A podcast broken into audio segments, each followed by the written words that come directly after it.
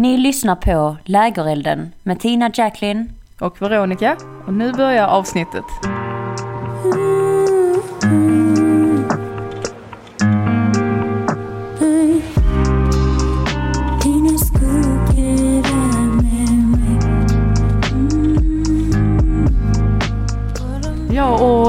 Välkommen till denna podden då va? då? Eh, tänkte ta det var lite norsk idag. Vi har nämligen ett litet norskt tema idag så. Du hade något eh, lite norske. Ja, du hörde det. Jag hörde. Idag ska vi fan prata om seriemördare. Mm, du ska göra det. Ja, ska inte du göra det? Jag tar.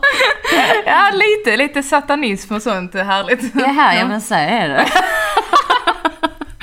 Jag har hela tiden trott att vi ska köra Ja, seriemördare. ja, men det är lite mord också, lite gött. Ja, okej. Lite smarrigt Ja. på det hela. Får allting i Det är som pricken över i. Ja, grädden på moset. Okej, och din var då, ja men berätta lite om din. Mm, mitt är om en eh, sån black metal-grupp eh, Okej. från Norge. Ja, vadå, eh, norska? Ja, Norge. eh, som eh, mördar lite. Nej, jo. vad är det för sjuka Ja, det är lite satanism och lite blandat. Vad man kan göra för att verkligen ta sig till... Eh, Fy fan vad spännande. Ja, riktigt spännande faktiskt. Oh my god, det där vill jag höra. Mm. Eh, jag ska faktiskt prata om ett Skåne, ett Skånemord tänkte jag säga. Nej, utan det var mer mord än det. Det var en seriemördare från här från Skåne. Mm. Så jag ska prata om han och han heter Tore. Hore. Ja, det är Toris jag ska snacka om idag. Teoriskt. Go way back. way way back. Eh, så, eh, nej, så detta var ju på, eh, jag tror det var 50-talet. Eh, så det, den ska vi snacka om och det var Hovamorden då som eh, det handlar om. Mm, spännande. Mm. Så vi ska höra lite mer om det där. alltså jag pallar inte med oss idag. Det här blir en Heta linjen Ja, istället. I, kommer du ihåg det? Ja, jag jag vet. ringde dit Ja, jag där med. jätteofta. jag var helt fast. Prenumerera för fan där. alltså, jag, jag ringde så mycket så jag fick jobb där. Jag pallar inte. Jag var helt beroende av det. Jag ringde och så kommer jag ihåg att jag alltid sa eh, till här, alltså sån, använde sån kåtröst.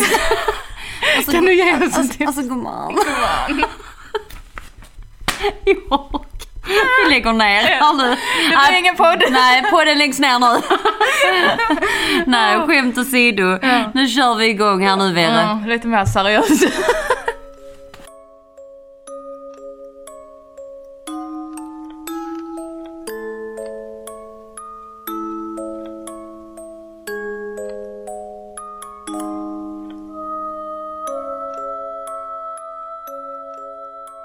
Ja, då ska jag börja prata då om eh, det norska då här.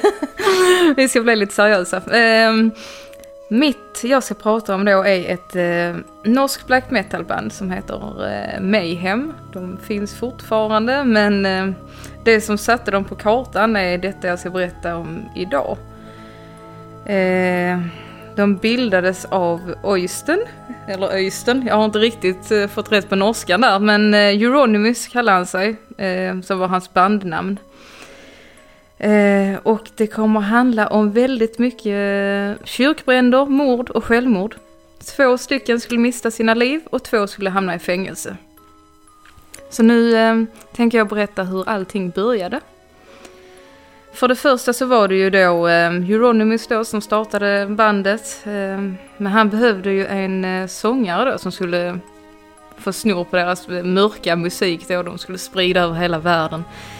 Eh, de hade lite satanistisk anda i ehm, sin musik till att börja med. Ehm, så de var ju verkligen tvungna att hitta the one som kunde liksom få ut detta budskapet.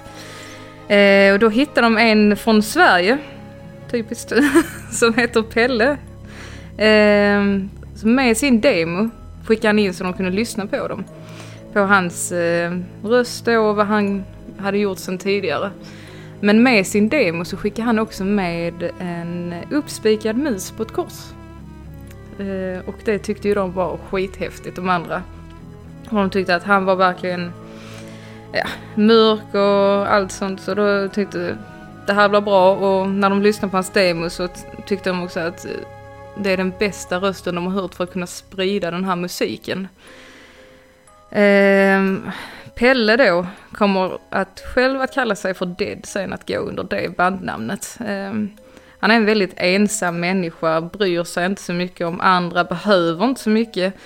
Eh, på grund av mobbning och sånt så hittar han inte riktigt sin plats i livet. Ehm, så han brydde sig inte riktigt om han levde eller om han var död. Eh, tände på gränserna. Han skar sig i armarna på scenen så att, det- så att det sprutade ut blod eh, bland publiken. Eh, och de blev helt galna. De tyckte att det var asfett. De hade aldrig sett det tidigare. Och, ja, eh, lite sådana grejer. Eh, han sov i en kista också för han tyckte väl att han fick mest inspiration då. Grävde ner sina kläder i jorden. Målade sig vit och svart i ansiktet för att eh, se ut som ett lik och likna ett liv, lik. Eh, han hatade katter så han hängde upp dem i snaror på sitt rum. Eh, han var allmänt eh, konstig och fick väl inte riktigt rätt på vad han tyckte och kände. Han var ju jättesvårt deprimerad. Fick väl inte riktigt den hjälpen han behövde eller någonting. Så ehm, 1991 eh, tar då Pelle sitt liv. Då har han suttit på ehm, sitt rum där i det huset de bor i medan de spelar in musik och sånt. Ehm, då har han suttit på golvet, han har skurit upp båda sina handleder och han har skurit sig i halsen också. Och innan han liksom eh, dör så sätter han sig för att skriva ett brev till de andra bandmedlemmarna och då skriver han ursäkta blodet, låt festen börja. Från Dead då. Sen sätter han sig på sängen och skjuter huvudet av sig. Det är liksom det, det är ultimata där sen. Eh, gitarristen Euronymous eh, kommer då dit för att han skulle ja, hälsa på i deras hus och sånt. Eh, men då hittar han ju istället Pelle liggandes där i sängen eh, med huvudet avskjutet. Eh, men innan han liksom ringer polisen som en normal människa skulle göra, liksom flippat ur totalt. Då börjar han placera ut liksom rekvisita bredvid hans kropp för att få den perfekta bilden. Så då åker han liksom och hämtar sin eh, kamera då. Och så börjar han ta olika bilder på honom för att få den perfekta omslagsbilden till deras album. Och det är liksom det, de kommer ju använda en av den bilden till eh, ett av albumet som heter Dawn of the Black Hearts. Ehm, alla i bandet Mayhem fick också en bit av hans skalle, alltså skallfragment, som han hade gjort i ett halsband som alla skulle ha runt om halsen. Ehm, och det är ju också, där är ju en bandmedlem som väljer att hoppa av då för han tycker att eh, det här blir helt sjukt. Det är liksom vår vän precis har tagit livet av sig och du vill eh, vinna fans på det. Eh, men efter det så blir det ju inte så jättemycket mer av bandet utan Öysten eller Euronymous då han, han startar en eh, skivaffär i Norge och sen så eh, är han producent, släpper andras skivor och sånt. Där är ju en som har följt dem som kallar sig för Varg.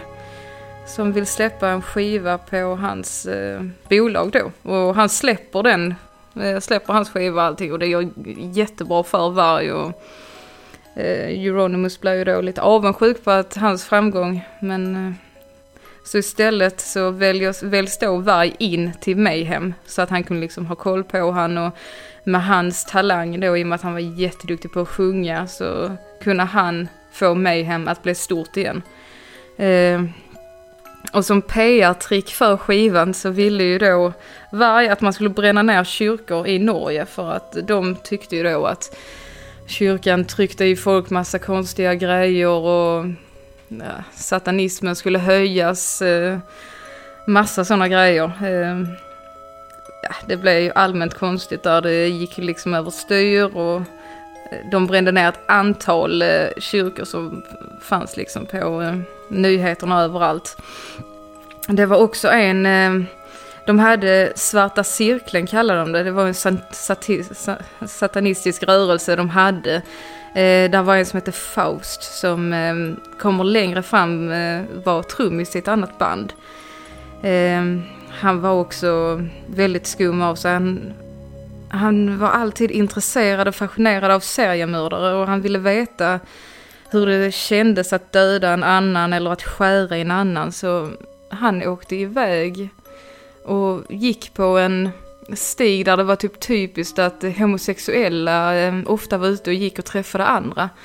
Och där valde han ut ett offer då som eh, han sen, sedan knivhögg 37 gånger. Eh, så, ja, som sedan dog då. Och sen hände det ju då den 10 augusti 93 att Varg eh, högg ihjäl Euronymous då. Eh, efter att han hade trott att han hade konspirerat emot honom att Euronymous skulle döda Varg då istället.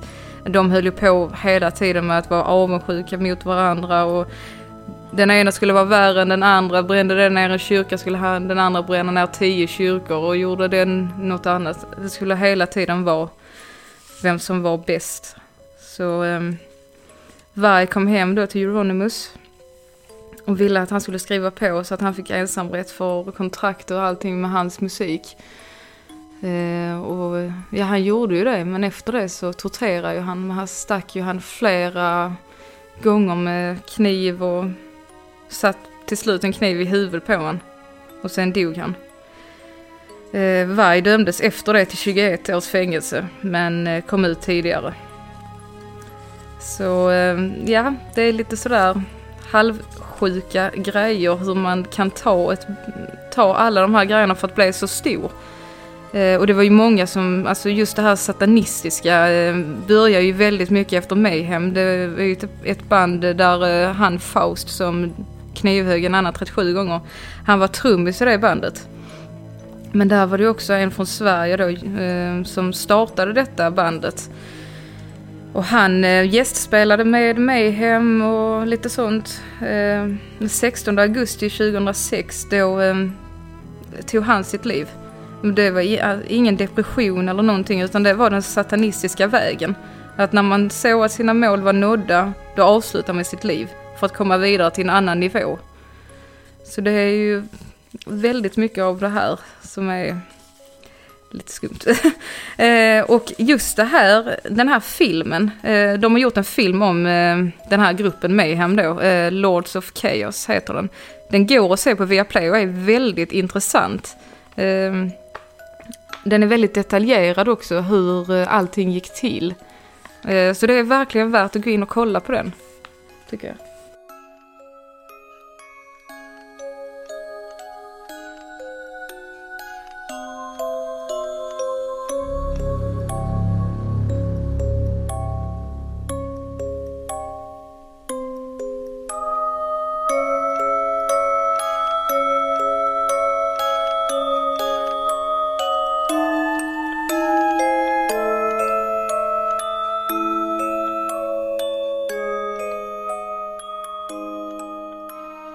Alltså y.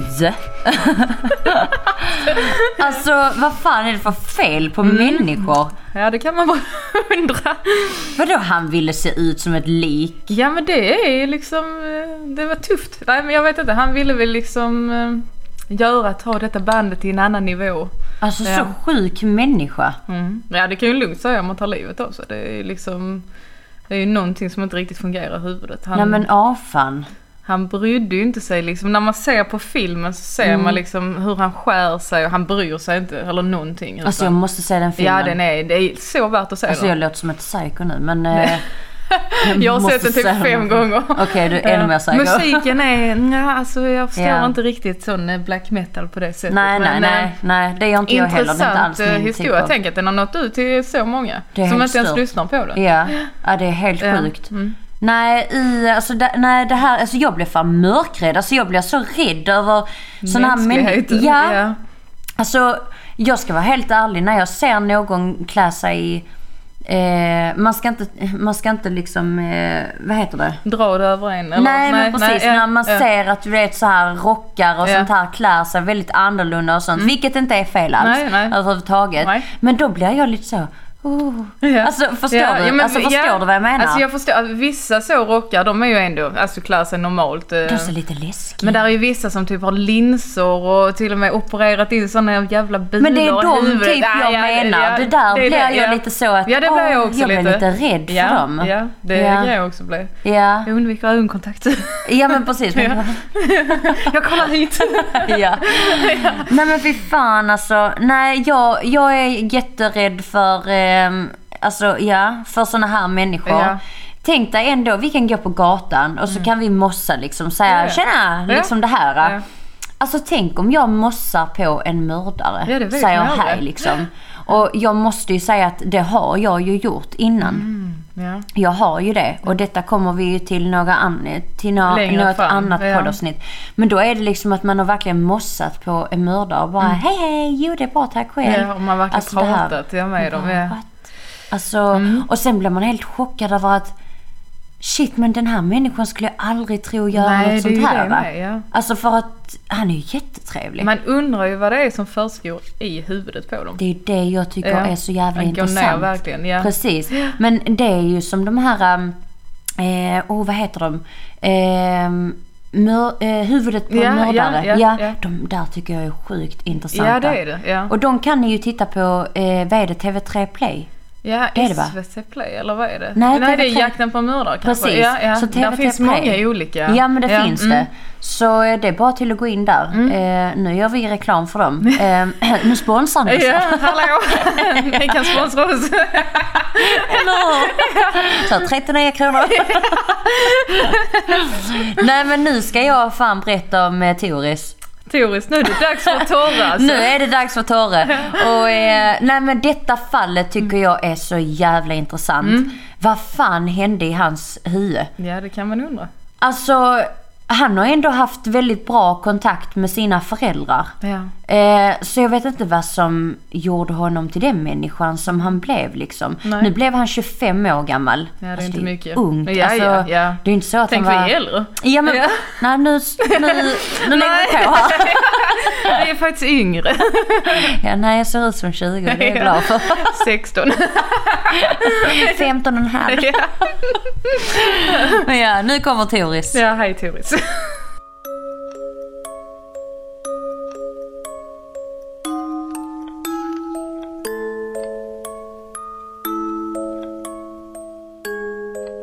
Han var populär i Tjörnarp, den unge ambitiöse fjädringsmannen, vilket betyder att han var dåtidens lokalpolis.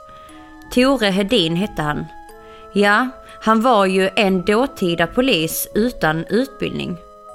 Sedan april det året har den 24-årige Hedin tjänstgjort som extraordinarie fjärdingsman i Tjörnarp, en ort med 600 invånare. Problemet är att han saknade utbildning som polis. Och nu vill man besätta tjänsten med en utbildad riktig polis. Han är en renlevnadsman som inte har några problem att avstå både från sprit och tobak. Men hans stora intresse för bilar gör att han ständigt byter till nyare och finare modeller. Har totalt förstört hans ekonomi. Den 22 augusti, i Sveriges största morddrama, dödas 10 personer i Skåne av Hedin. Då en avskedad polis som sedan dränker sig själv. Han avskedades för att ha misshandlat sin fästmö då hon ville bryta förlovningen och mördade sedan henne samt hennes chef och sina egna föräldrar samt sex personer på ålderdomshemmet i Horva som han därefter bränner ner. I ett avskedsbrev erkänner han också rånmord på en kvarnägare 1951. Nu ska jag berätta vem Tore Hedin var. Tore Hedin är född den 7 januari 1921 i Stora Härje församling utanför Kävlinge. Han dog den 22 augusti 1952 i Bosarpssjön, Häglinge, och det var ju självmord. Han var en svensk polis, en fjärdingsman och gärningsman i de så kallade Horvamorden, där han mördade tio människor för att sen ta sitt liv genom att dränka sig. Han växte upp som lite av en enstörning. Tore Hedin är enda barnet till småbrukaren Per Alfred Hedin och hans 17-årige yngre hustru Hilda Maria. Tore växer upp på föräldrarnas gård i Annelöv utanför Landskrona. Sedan som 16-åring hade han gjort sig skyldig till mordbrand då han hade burit sig in i Gustav Hills byggeri i närheten av föräldrahemmet i Annelöv och stulit foder till familjens hästar. För att dölja spåren efter brottet tände han eld på byggeriet. Tre år senare ska han ha stulit en motorcykel och lämnat den i Åsum. De följande åren jobbade hans pappa extra som byggnadsarbetare. Han säljer gården i Annelöv och den lilla familjen flyttar till ett hus i Kvärlöv i Saxtorp. En bit närmare Landskrona. Tore hjälper sin far att rusta huset till en riktig mönstergård. Han är mycket fäst vid sina föräldrar och även som vuxen besöker han dem ofta. 17 år gammal tar han vävning vid A3 i Kristianstad. Som stamanställd militär är han både energisk och lydig. Men han vill mer än han kan. Under början av 50-talet genomgick han en underbefälsutbildning på regementet A3 i Kristianstad. Där han kom att lära känna den person, Gunnar Johansson, som i framtiden otroligt nog skulle utreda Hedins brott. Beskrivningen av Hedins person som givits av denne är att han var uppskattad, han var trevlig och han verkade jättesnäll. Men han ansågs redan då som udda. Efter genomförd utbildning fick Hedin tjänst som fjärdingsman. Just Gunnar Johansson, då polis i Hurva, visste att 24-åriga Ulla Östbergs liv var i fara. Han föreslog att han och hans kollega skulle bevaka ålderdomshemmet där han arbetade och bodde. Men fick nej av polismästaren. Tre dagar senare mördades hon. Sitt första mord begick Hedin den 28 november 1951 klockan 02.30 i Körnap. Då han efter att ha spelat poker med sin vän Johan Folke Allan Nilsson slog ihjäl denne och stal dennes pengar. Vid tillfället kom Hedin över 4 369 kronor varefter han vid tretiden på natten tände eld på huset då hade befunnit sig i för att dölja spåren. I egenskap av fjärdingsman utredde Hedin själv brottet tillsammans med ett medium och en kriminalare, Olof Jönsson. Detta var första gången och enda gången som ett medium användes i en svensk brottsutredning. Det brott som Hedin gick till historien för var dock de så kallade Hovamorden som skedde natten till den 22 augusti 1952. Namnet Hovamorden kommer från ålderdomshemmet i Hova, vilket Hedin satte eld på. Bakgrunden till det som hände den aktuella natten var det svek som han ansåg sig ha blivit utsatt för sin före detta flickvän Ulla. Hon hade nämligen anmält honom för den misshandel som hon utsatt för några veckor, veckor tidigare. Då han under hot försökte tvinga henne att ta honom tillbaka. Den 1 mars 1952 förlovar sig Tore med Ulla. Ulla är 23 år gammal. Som han umgås med senare några år tillbaka. Ulla är mörk och slank och liksom Tore från Skåne. Men hon har inte alltid haft det så lätt. Bara sju månader gammal omhändertogs hon som fosterbarn av lantbrukaren Olof Paulsson och hans fru i Revinge. Sedan sex år tillbaka arbetar hon som biträde vid Hurva ålderdomshem. Ulla är den första kvinnan i Tores liv. Hedin tar livet av henne med en yxa som krossar hennes bakhuvud. Två gånger slår han. Ulla hinner aldrig vakna. Under några timmar den natten till den 22 augusti mördade Hedin nio personer och blev därigenom den mest ökända massmördaren i svensk kriminalhistoria. Efter att ha fullföljt sina planer begav sig Hedin till Bosarpssjön. Han parkerar sin gröna Renault vid en liten sommarstuga, inte så långt från strandkanten. Men då ska den vita ekan guppa tum där ute på sjön. Då ligger mannen i slips och sommarkostym på botten av Bosarpssjön. Han har stenar fästa vid kroppen som tynger.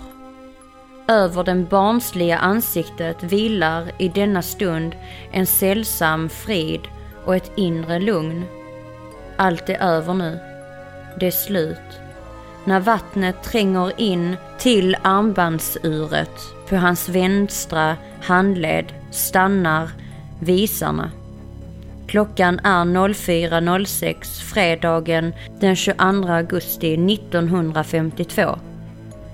Hans kropp dras upp ur sjön efter självmordet. Det är en polisman i Sösdala och kaptenen Bengt från skånska militären som hittar kroppen 10 meter från vassen, bara 75 meter ut i det långgrunda vattnet. Han är ungefär 1,80 lång. Han är blond, har ett runt och barnsligt ansikte. Han lämnade ett självmordsbrev i sin bil efter sig. Detta skedde någon gång efter klockan fyra på natten. Hedins avskedsbrev lyder så här. Telefonen ringer. Polisen springer och letar efter mig. Men mig hittar de ej. Men min övergivna bil har ni hittat nu och det är ju ändå något och vill ni gissa en gåta så leta i det våta ifall ni tror att jag är där. Det avslutas Glad, lugn och beredd går jag i döden, ty allt har nu uppfyllts, ty nu allt uppfyllt. Tore Hedin, mördare, adress okänd. PS. Mina föräldrar dödade jag för att de skulle få slippa att se och lida för vad jag nu har gjort. Det finns en miniserie som heter Hovamorden som man kan se på SVT Play så den tycker jag faktiskt ni ska gå in och titta på. Och denna informationen som jag har eh, berättat om nu den har jag tagit från sensafakta.wordpress.com Så där kan ni gå in och eh, titta. Eh, där är jättemycket fakta om typ allt, så det är ett tips till er.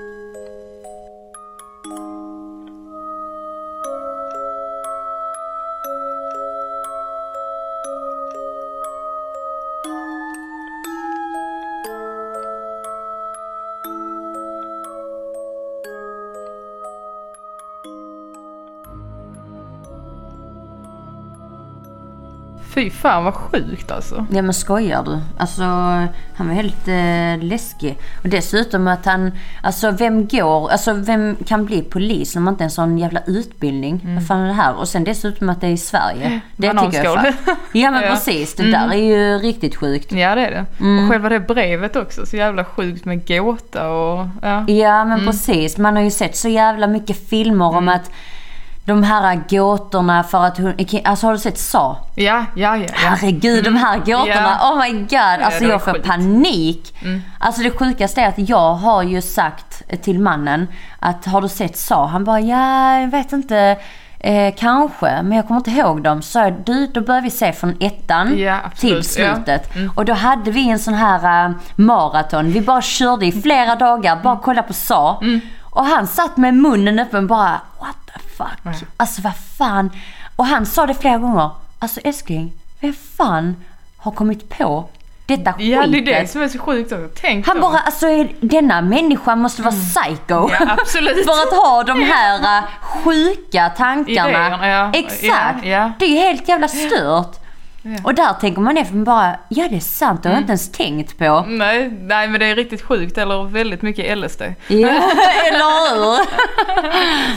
Nej men jag tyckte detta eh, fallet var jävligt intressant bara för att det var i Skåne. Mm, det och det är, ju- också. det är ju liksom inte långt härifrån heller. Nej, det känns lite mer då när det är här så nära och allt Exakt, sånt. Ja. precis. Nej så därför eh, tog det mig direkt och bara tänkte shit detta måste jag snacka om. ja.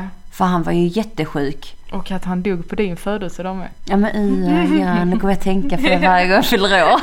22 augusti. Hallå Tore! ja. Hallå Toris.